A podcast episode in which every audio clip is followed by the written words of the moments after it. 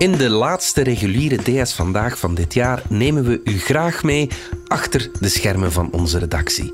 We hebben de redacteurs van de Standaard gevraagd wat voor hen het moment van 2021 was. En dat levert mooie en verrassende verhalen op. We hebben de vrijheid genomen om niet volledig te willen zijn. Dus dit is geen jaaroverzicht, beste luisteraar, maar wel een eigenzinnige terugblik van een aantal enthousiaste collega's. Ideaal om te beluisteren tijdens het vullen van de kalkoen vandaag of gewoon een van de komende dagen. Het is vrijdag 24 december. Ik ben Alexander Lippenveld en dit is vandaag de dagelijkse podcast van de Standaard.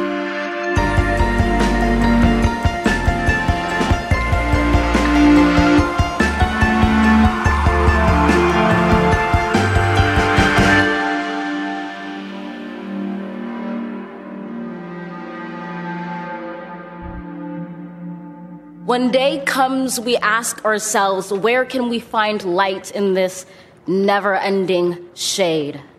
The loss we carry, a sea we must wade. We've braved the belly of the beast. Dat was dichter Amanda Gorman met The Hill We Climb. Een gedicht dat begin dit jaar de wereld rondgaat. En wat voor een heuvel was me dat 2021. Gorman brengt het gedicht op de inauguratie van de nieuwe Amerikaanse president Joe Biden. So help me God. Congratulations.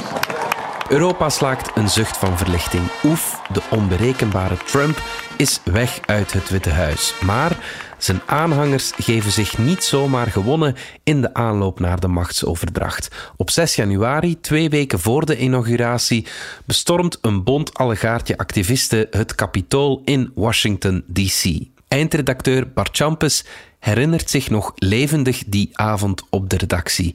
Na een drukke nieuwsdag blijkt dat het echte werk nog moet beginnen rond half negen s'avonds. Hij kijkt met open mond naar wat er zich afspeelt in de VS en op de redactie in Brussel. Ik denk dat, uh, het was toeval hoor, maar ik denk dat ik als een van de eerste de telex had zien passeren. Uh, iets als Capital in Lockdown stond in de titel. Dat was nog een beetje onduidelijk, maar ik dacht, wow, ik geef toch eens een seintje aan onze nieuwsmanager. Er is daar iets aan de hand. Die keek een beetje verveeld naar mij, want het was eigenlijk al, al ja, het was een van die dagen geweest, een, een heel drukke nieuwsdag. Er was nog volop coronanieuws, nog volop vaccinatienieuws. De namen van in proces De Pauw waren die dag ook net bekendgemaakt. En tenslotte was er ook nog het ontslag van Karel van Eetveld bij Anderlecht. En dat was ook heel laat binnengekomen. Dus dan moet je in die krant telkens gaan schuiven en, en herorganiseren. Nu, wat dat op zich wel al in de gaten gehouden. We wisten dat er protesten gepland waren, maar dat leek allemaal vrij rustig verlopen te zijn. En toen kwam dus die telex. Ja, en dan zie je ineens hoe die redactie snel schakelt. Uh, ja, alle schermen gaan op BBC, op CNN. Eh, redacteurs worden gebeld. Uh, en, en ja, we staan eigenlijk eerst te kijken met, met ongeloof naar, naar die hallucinante beelden. Je ziet die woede, je ziet die menigte. Dan, dan al die gekke figuren, die bisonman. dat was gewoon waanzin. Ik heb achteraf nog met onze nieuwsmanager gesproken. Die heeft die dag, hij zei, ongeveer een veertigtal telefoontjes gedaan in twee uur tijd. En 60, 70 berichten gekregen. Dan moet voor hem pure chaos geweest zijn. Maar bon, uiteindelijk, zoals eigenlijk altijd, dan zie je dat het wel goed komt. Dat die krant wel landt. Uh, ik heb het eens geteld. We hebben uiteindelijk nog vijf pagina's over de VS eh, gemaakt. In, in minder dan twee uur tijd, denk ik. En nog zeven stukken daarover geschreven voor de krant de dag nadien. Die momenten, ja, dan ga je wel met zekere voldoening naar huis. En weet je wel iets van, bon, het is wel hiervoor uh, dat ik journalist geworden ben. Zo gaat dat met een druk nieuwsjaar, beste luisteraar. Wij keken daar wel wat op als journalisten. En wat er zich afspeelt in de VS op 6 januari, dat zien we later nog terugkeren, maar in andere vormen. Mensen staan op. Activisten roeren zich om te vechten voor hun rechten en voor hun vrijheden. Of voor democratie in hun land. In de hele wereld weer klinken proteststemmen en lang niet overal worden ze geduld. Zo is er in februari een coup in Myanmar. Het zadelt correspondente Charlotte van Kampenhout op met ja, een schuldgevoel. Ik heb toen verschillende Myanmarese activisten geïnterviewd. En ik zeg nu activisten, maar eigenlijk waren dat gewone, gewone burgers. Dat waren studenten, verpleegsters, ambtenaren. Eh, er was ook een reisgids bij. En de eerste keer dat ik die sprak, werd die heel hoopvol. En strijdlustig ook. En die wisten heel goed dat ze de internationale media nodig hadden. De aandacht van de internationale media in de hoop om iets te veranderen. En in het begin waren die protesten vreedzaam en, en zelfs een beetje ludiek, hè, om, om nog meer media-aandacht te krijgen. Maar het regime begon steeds harder en harder terug te slagen op die protesten. En ongeveer een maand later heb ik die terug een paar activisten ge, geïnterviewd. En je voelde wel dat er toen al iets veranderd was. En het was niet dat die minder strijdlustig waren geworden, maar wel dat die meer schrik hadden gekregen. Die reisgids die, die ik heb geïnterviewd, die had enorm veel schrik gekregen dat, dat het regime zou ontdekken dat hij met buitenlandse journalisten was aan het spreken. Dus die gevoelde echt dat die man twijfelde om met mij nog te spreken, omdat hij zo zat tussen het... Ik wil dat mijn land nog in de media komt, maar ik wil tegelijkertijd ook vanzelfsprekend niet in de gevangenis komen. En ja, je voelde heel hard hoe hard dat hij twijfelde en hoe dat hij op zoek was naar andere manieren om met mij te communiceren. En dan voelt je je als journalist heel klein, omdat je moreel kunt je die man natuurlijk niet dwingen. Maar die kwam altijd zelf terug met die twijfel. Dus ik, vond dat heel moeilijk. En ja, het, is nog altijd niet opgelost in dat, dat, dat voelt ook heel vreemd aan, omdat ik daar dan wel een paar maanden een paar artikels aan heb gewijd. En om dan nu te zien dat eigenlijk nog niet, niets is veranderd, dat, dat voelt heel vreemd aan. En dan kruipt er ook een soort van schuldgevoel over mij. Want het, het enige dat ik kan doen is die verhalen neerschrijven natuurlijk. En dan moet ik een beetje hopen, en zij ook, dat iemand met meer invloed die artikels leest en, iets doet. Dus dat, is zo een vreemd gevoel dat mij dit jaar een beetje eh, bekropen is. Maar het is niet alleen maar kommer en kwel. Ook niet in een conflict dat al decennia lang duurt. Er zijn ook mooie voorbeelden van verzoening in plaats van polarisering. Correspondente Ine Rooks raakt ontroerd door een verhaal uit Israël en Palestina. En ze krijgt na afloop het gevoel dat ze echt een verschil gemaakt heeft voor de mensen die ze sprak. Soms zijn er van die momenten die je raken als journalist, niet alleen als journalist, maar zeker ook als mens. En als ik terugdenk aan het voorbije jaar, dan was dat voor mij een moment in, uh, in mei 2021, toen er opnieuw een Israëlisch offensief was op de Palestijnse Gazastrook. En uh, wat me dan bijblijft is uh, wat er gebeurde dit jaar tussen Fadi Ali Abu Shamala, een man uit de Palestijnse Gazastrook, en Miriam Alster uit Israël, Tel Aviv. Ze wonen fysiek op nauwelijks 100 kilometer kilometer afstand van elkaar, maar hun levens kunnen niet meer verschillend zijn. En toch, en toch zijn het gewoon twee mensen, twee uh, ouders. Fadi heeft drie zoontjes, Mirjam heeft twee kinderen. Ik ken hen allebei, ik heb met hen allebei gewerkt en denk ik ook wel een vriendschap gesloten. En in mei hadden we apart tijdens dus dat uh, Israëlische offensief twee getuigenissen van uh, zowel Fadi als Mirjam tegelijkertijd in de krant gepubliceerd. Dat was een initiatief dat de krant had genomen, met hun medeweten uiteraard, maar ze kenden elkaar niet. En ze hebben achteraf toen allebei een pdf gekregen van, uh, van het interview en van de publicatie. En Fadi was daardoor uh, zo geprikkeld en nieuwsgierig geworden dat hij alles had uh, vertaald via Google Translate. En ineens viel toen een brief van Fadi, die niet door de krant was gestuurd en die ik dus niet had gevraagd, in, uh, in mijn mailbox met de vraag of ik Mirjam een, uh, een brief die hij had geschreven als reactie op haar getuigenis, of ik haar die wilde bezorgen. Ik heb daar toen niks over gezegd uh, op de krant, op de redactie, en dat gewoon geforward. En ik dacht, uh, eens even afwachten wat er nu gebeurt. Het was een heel ontroerende brief, waarin Fadi zeker begrip ook toonde voor de angsten die Mirjam, toen zwanger van haar tweede kindje, uitstond, maar waarin hij ook begrip vroeg voor zijn situatie als vader die onder de bommenregen en zijn kinderen in veiligheid probeert te brengen. En Fadi sloot die brief af met uh, de vraag: Mirjam, denk je dat jouw dochter ooit met uh, een van mijn zoontjes zou kunnen daten later in een toekomst waarin we mogelijk in één land, één democratisch land voor beide volkeren, voor Israëli's en Palestijnen kunnen leven, kunnen wonen? En heel kort daarna viel een antwoord van Mirjam in mijn mailbox. En Mirjam schreef terug naar Fadi dat ze tot tranen toegeroerd was uh, door uh, zijn brief. Ik heb er toen met Koen Vidal over gesproken op uh, de krantenchef Buitenland. En toen ontstond het idee, zullen we hen niet eens vragen of we die spontane brieven ook mogen publiceren. En dat mocht van allebei. En ik denk dat de lezer dat wel voelt. Dat was bijzonder ontroerend. En uh, dat was ik toen ook als mens, omdat ik hen allebei ken. Omdat uh, ik dat helemaal niet in gang had gezet. En uh, omdat je sowieso ja, als journalist uh, soms toch wel het gevoel hebt aan de zijlijn te staan en wereldgebeurtenissen te, te becommentariëren, maar er geen deel van uitmaakt. Wij kijken en wij observeren soms de levens van andere mensen. En we kunnen daar niet in ingrijpen. En toen had ik zo misschien de naïeve hoop of het sprankeltje licht uh, in alweer een duister uh, Gaza-verhaal, dat daar een, een, wie weet wel, een ontluikende vriendschap was tussen Fadi uit Gaza, een Palestijn en een Israëlische Miriam uit Tel Aviv. Geloof me vrij, lang niet iedereen die we spreken stuurt zijn mailverkeer zomaar naar ons door en laat dat dan nog eens in de krant publiceren ook. Eva Bergmans, reporter bij ons weekblad, maakt dit jaar een stuk over het politiegeweld in Brussel. En ze gaat daarvoor op zoek naar hoe die kloof tussen jongeren en politie ontstaan is. En daarvoor wil ze met mensen aan beide kanten van het verhaal spreken. Dat zijn mensen die niet per se met haar willen spreken. En net van die mensen heeft ze dit jaar een belangrijke les geleerd. Vooral jongeren vinden die willen spreken was super moeilijk. En ik heb ook gevraagd aan de jongens waarom. Ja, waarom vertrouwen jullie eigenlijk mij niet?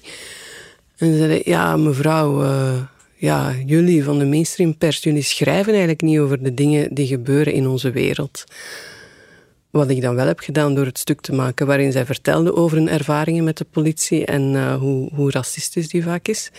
En tegelijk hebben ze mij een kijk gegeven in hun wereld en beseft ik, die jongens hebben wel gelijk, wij schrijven eigenlijk nooit over die wereld. Dus ik heb een, een kant gezien van Brussel, waarin de dingen, laten we zeggen, helemaal anders lopen dan in mijn wereld. En dat vond ik heel interessant. Um, ik vond het heel dapper dat die jongens dat uiteindelijk wilden doen.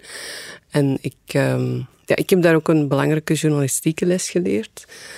Um, zijn het dat je ook misschien wel moet gaan kijken bij de mensen die niet per se onze krant lezen of die niet per se zelf de weg vinden naar de krant om te zeggen van kijk, dit zijn verhalen die je zou moeten maken. De gebeurtenis van de zomer van 2021 is waarschijnlijk wel de hevige regenval in het oosten van ons land en ook in het westen van Duitsland. De overstromingen in Duitsland vormen de natuurramp met het grootste aantal slachtoffers sinds de stormvloed van 1962, bijna 60 jaar geleden. Correspondente Corrie Hanke wordt getroffen door de solidariteit achteraf. Toen ik twee dagen na de ramp in de auto zat om helemaal vanuit Berlijn naar het westen te rijden. Terwijl ik, ik reed naar een, een gebied waarvan ik wist dat ik ongelooflijk veel ellende zou zien, passeerden ook, ook de hele tijd kolonnes van auto's en kleine vrachtwagens van, van hulpverleners. Allemaal richten in het westen. Dus je voelde toen al van wow, deze, deze ramp uh, die, uh, die treft eigenlijk uh, niet alleen het, westen van het land, maar heel Duitsland. En dat zag je dan ook als je dan in de getroffen dorpen kwam, bijvoorbeeld in Schult of in Altenaar. Daar was het eigenlijk heel druk. En ik herinner mij nog, ergens in een van die dorpjes stond um, met, met hun voeten in het water en in laarzen en shorts, want het was warm. Zo gewoon een, een ketting van mensen, jong, oud, die stoelen aan het doorgeven waren. Dus die ketting die ging vanaf de schoolpoort naar een gebiedje verderop waar het droog was. En dus alle schoolbanken en de stoelen van de school werden zo hand aan hand werden doorgegeven um, om te redden wat er nog te redden valt uh, in, in de chaos.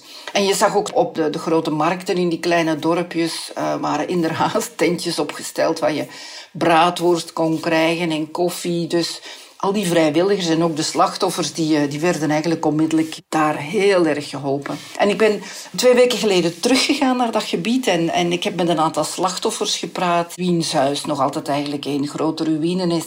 Het was een man, een, een hoteleigenaar, en die kreeg uh, tranen in zijn ogen toen hij vertelde die stonden hier elke ochtend en we hebben zij aan zij gewerkt. En ik ken nog geen eens hun namen. Ik weet niet van waar ze komen, maar ze hebben mij zo geholpen. En zelfs nu, we zijn nu vijf maanden later na de ramp, ben ik nog vrijwilligers uh, tegengekomen. Ik ben ergens um, in een, een, grote tent, het was eigenlijk een kleine hangaar, uh, gegaan, waar een, uh, een man die zich Keizer noemde, sinds 15 juli zat. Hij had berichten verspreid van mensen, als je bouwmateriaal en materiaal over hebt, breng ze naar mij en ik zorg dat ze naar de slachtoffers kunnen gaan. Dus de mensen die geen huis meer hadden, die konden gewoon in die tent gratis materiaal gaan halen. Dus dat viel me heel erg op uh, toen al, maar ook twee weken geleden. Zo de mensen met wie ik nu praat, de slachtoffers, die zeggen wat we hebben meegemaakt in de overstroming is verschrikkelijk. Maar de solidariteit en de warmte die we gevoeld hebben, ehm, dat was ongelooflijk mooi. En, en er was één hoteleigenaar die tegen mij zei, oh, ik hoop, ik hoop zo dat we dit, dit warm, solidair gevoel nog... Uh, tijdje kunnen bijhouden hier in Duitsland. En ook in eigen land maakt het noodweer dodelijke slachtoffers. Vooral de streek rond de Vester in Wallonië wordt zwaar getroffen. Wedstraatjournalist Peter de Lobel, normaal de man die het nieuws in Wallonië volgt, is er door omstandigheden niet van in het begin bij. Maar tijdens zijn vakantie gaat hij wel als vrijwilliger naar de Vestervallei. En één ontmoeting die blijft hem nog lang bij. Een groot deel van de modder was weg, maar de miserie was, was echt wel... Uh, ja, van het moment dat je daartoe kwam, stond je daar, stond je daar middenin. En ik belde eraan bij, een oude man, uh, eh, 79 was hij, heette Michel. Zijn kelderverdieping die kwam uit op de, op de tuin en die tuin die kwam uit op de, op de Vesder. Hij vertelde mij over zijn tuintje, dat hij, dat een magnifieke tuin had, maar bon, dat het nu uh, ja, anders was. Hij leidde mij naar de tuin. En het is op het moment dat we daar aankwamen dat, uh, dat die man eigenlijk... je, zag hem, je zag hem breken, je zag hem instortte daar toen had hij uh, zijn tuin onder ogen. Want die tuin dat was eigenlijk een, een, moddervlakte. Ik kan zeggen, het was maar die man zijn tuin, het was maar zijn kelder. Maar hoe langer ik daar aan de praat bleef, hoe meer dat dat vooral me toch wel uh, ja, onder de huid kroop. Die man had nog eens 79 jaar, had, had 24 uur op zijn keldertrap gezeten met een, met een pomp die hij geleend had van een overbuurman. Om toch het water uit die kelder weg te krijgen en ervoor te zorgen dat dat het niet steeg totaal zijn gelijkvloers. En uh, ik had toen met hem afgesproken. Ik zeg van, kijk, je, kan dit niet alleen. Uh, mijn familie was er geen contact meer. Je moet hulp daarvoor zoeken. De nummers gegeven van het OCMW. En hij mij laten beloven dat hij contact ermee zou opnemen. Ik had dan zelf ook met hun contact opgenomen. En, en nu onlangs ben ik, ben ik bij hem terug langs geweest. Ik was al een paar keer gepasseerd, was niet thuis, nu wel. En effectief, uh, hij had uh, contact gehad met, met, met OCMW. Er was iemand die zijn verzekeringsdossier mee begeleidde. En ik weet nog in de zomer dat hij daar heel hard over in zat. Hij dacht van, ja, ik heb, ik heb een verzekering gepakt van in Brussel en, er is een man van Charleroi dat ervoor moet afkomen, speciaal voor mij. Nu bon, ondertussen zoveel maanden verder was hij aan het wachten op de tegenexpertise. Ze hadden hem een, een, een bedrag geboden van de verzekering en hij, vond dat laag. Maar in tegenstelling tot tijdens de zomer, toen hij daar echt mee in zijn maag zat, had hij nu die, die knop omgedraaid en hij zei, ja die tegenexpert zal komen en ik, ik verwacht er niks meer van. We zullen wel zien. dan bij het buiten gaan zijn of van, van ja, ik, hoop dat ik, dat ik dit nooit meer moet meemaken. Het was bijna een van, ik, ik hoop dat ik dood ben voordat dit nog eens gebeurt. Want ze zeggen nu dat dit om de 10, 20 jaar zou kunnen gebeuren. Ik wil het niet meer meemaken. De overstromingen kunnen niet losgezien worden van de klimaatverandering. En dat is ook dit jaar een overheersend thema. Hoe slecht het gesteld is met dat klimaat, dat ziet Casper Goethals, die schrijft voor ons weekblad met eigen ogen. Hij staat in Kenia oog in oog met Najin en Fatou, de laatste twee noordelijke witte neushoorns van onze planeet. In 2021 gaat het steeds vaker over het klimaat en de opwarming van de aarde. Daar in Kenia, uh, onder de evenaar, pal erop eigenlijk, wordt ontzettend snel en goed duidelijk wat dat betekent voor talloze diersoorten en voor mensen op, op minder beschermde plekken op deze planeet. Wat bijzonder indrukwekkend was, was om te weten dat dit de laatste twee dieren van hun soort waren. Dit zijn hele grote, charismatische dieren, maar elke dag verdwijnen er dieren. Het is niet vrijblijvend hoe we met andere diersoorten en de planeet omgaan. Het kan zo voorbij zijn. Deze twee dieren zijn alle twee vrouwtjes. De kans dat er nog een embryo tot een nieuwe baby wordt uh, ontwikkeld is klein. Wat we doen met onze omgeving en met andere dieren heeft gevolgen voor decennia en eeuwen in de toekomst talloze dieren gaan de komende decennia verdwijnen. En met dat in ons achterhoofd uh, zo heel dicht bij Najin en Fatou komen was um, een emotionele ervaring. Ik heb zelden van zo dichtbij iets uh, in de wereld zo snel zien veranderen. En dan iets helemaal anders. De Standaard brengt in 2021 ook het nieuws uit van de fraude van de 3x3 Lions, de sympathieke basketploeg die kort daarvoor knap vierde is geworden op de Olympische Spelen in Tokio. Veel mensen vinden het not done om sporthelden in verband te brengen met fraude. Het is een van de elementen die het niet gemakkelijk maken om dit verhaal te publiceren. Dat verklapt chef Binnenland Inge Gijs. Ze heeft er een nacht niet van geslapen. Ik kreeg om uh, 20 na 9 s'avonds telefoon van de hoofdredacteur met de vraag Inge, we zijn toch 100% zeker dat het verhaal klopt, want morgen gaan we ermee in de krant als jij echt 100% zeker bent. De collega's uh, Helene en Eline die hadden er echt weken aan gewerkt. Ze hadden met heel veel mensen gesproken, maar ze merkten ook wel dat heel veel deuren dichtgingen. En een echte bevestiging van diegene die de fraude gepleegd had, hadden we eigenlijk niet onrechtstreeks wel, maar niet echt rechtstreeks. Dus ik heb dan naar uh, Eline gebeld en nog eens alle bronnen overlopen en alles wat we hadden. En me nog eens heel goed beraad over het, de vraag van, ja, kunnen we echt wel gaan? En dan om kwart voor tien heb ik de hoofdredacteur gebeld en gezegd, go for it. Maar de hele nacht en de volgende ochtend vond ik het toch wel ontzettend spannend. Maar uh, ja, eigenlijk al tegen de middag had Radio 1 uh, eh, bevestiging van een aantal andere spelers dat het systeem wel degelijk klopte. Want het was eigenlijk een heel ingenieus systeem dat ze bedacht hadden om die fraude uh, te plegen. En ja, dan waren we eigenlijk 100% zeker. En dan is er ook een onderzoek geopend en is de bal eigenlijk ook aan het rollen gegaan. Dus ja, dat was wel een pak van ons hart dat we toch echt wel zeker waren. Waar we eigenlijk niet echt rekening mee gehouden hadden op voorhand, dat is dat toch heel wat lezers negatief reageerden op uh, de publicatie van dat stuk, omdat we eigenlijk hun helden onderuit gehaald hadden en zij vonden dat we de helden met rust hadden moeten laten. Wie ook wakker ligt is Esther Meerman. Zij heeft avonddienst voor onze website wanneer haar landgenoot Peter R. de Vries, een bekende misdaadjournalist, wordt neergeschoten in Amsterdam, vlakbij de plaats waar ze zelf lang gewoond heeft. Ik ben diep, heel diep geraakt door het overlijden van Peter R. de Vries. Heel Nederland is diep geraakt. Dit is het bericht waarvan we als Nederland hoopten dat we het niet zouden krijgen. In the heat of the moment ben je als journalist druk bezig met checken en dubbelchecken, schrijven en beeldmateriaal bijeenzoeken. Maar als je shift er dan op zit, dan daalt de impact van de gebeurtenis echt in. Ja, dat was een heel gek moment, omdat je dan eigenlijk pas gaat nadenken van wat is er nou eigenlijk gebeurd? Wat, heb ik nou eigenlijk, wat is er nou eigenlijk aan de hand vanavond? Peter R. de Vries was natuurlijk een misdaadjournalist, maar hij was ook adviseur in een heel grote rechtszaak, een hele grote Nederlandse rechtszaak. En dan kun je zeggen, die moord op hem, dat is een aanval op de journalistiek, maar het is eigenlijk vooral een aanval op iedereen die veel te dichtbij komt in dat proces.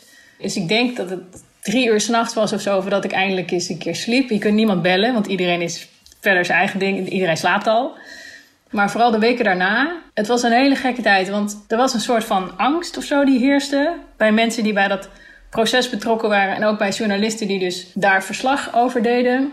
En weet je, journalisten werden ook beveiligd en dat soort dingen. Dus ja, dat vond ik echt wel heel, heel heftig. Maar wat ik een beetje bevreemdend vond, is dat het moment waarop zeg maar, bekend werd gemaakt dat hij was overleden. Heel veel Nederlandse redacties wisten dat gewoon al. Dus dat was gewoon een soort. Het was meer een bekendmaking, zeg maar. Zodat iedereen netjes zijn necrologie klaar had staan.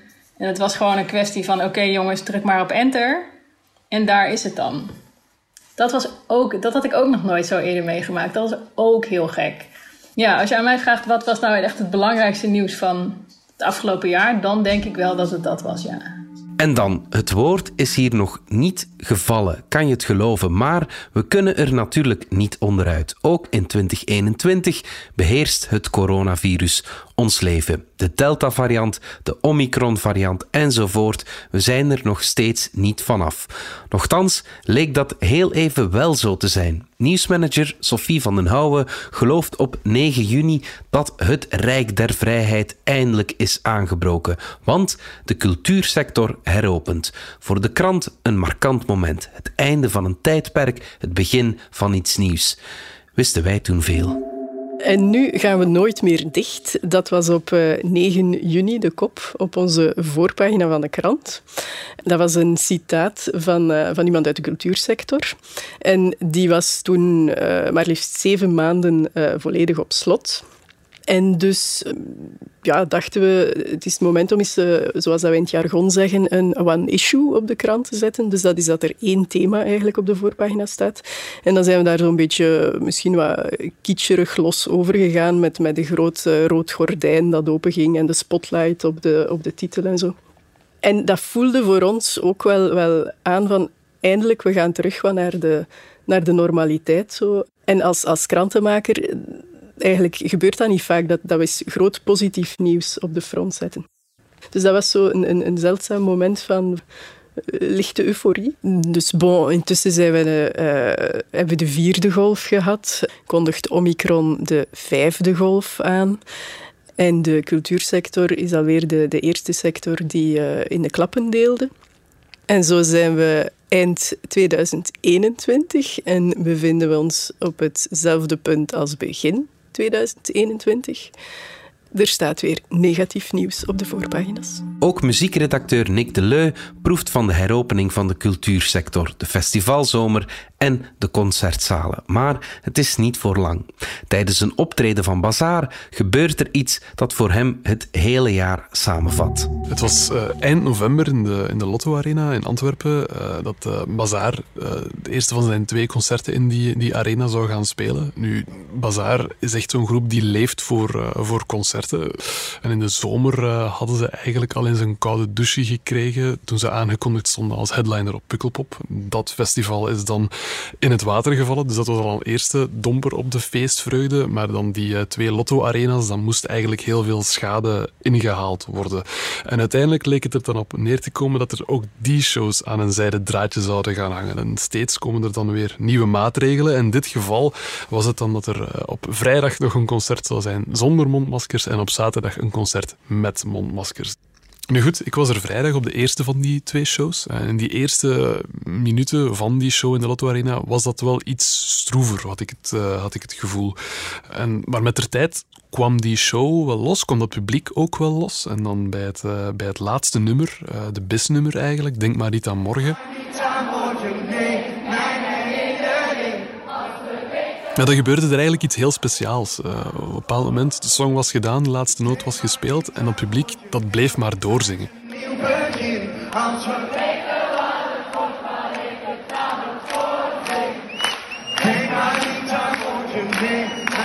Het was een beetje alsof dat, uh, het refrein van die song een, mantra was geworden. Ik denk dat Mathieu Terrein, de, zanger uh, van Bazaar, het ook zelf niet echt had verwacht dat dat publiek daar zo hard op zou ingaan.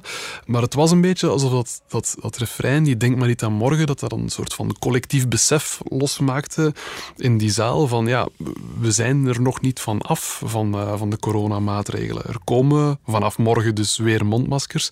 En het was een beetje alsof dat niemand in die zaal echt aan, aan morgen wou denken.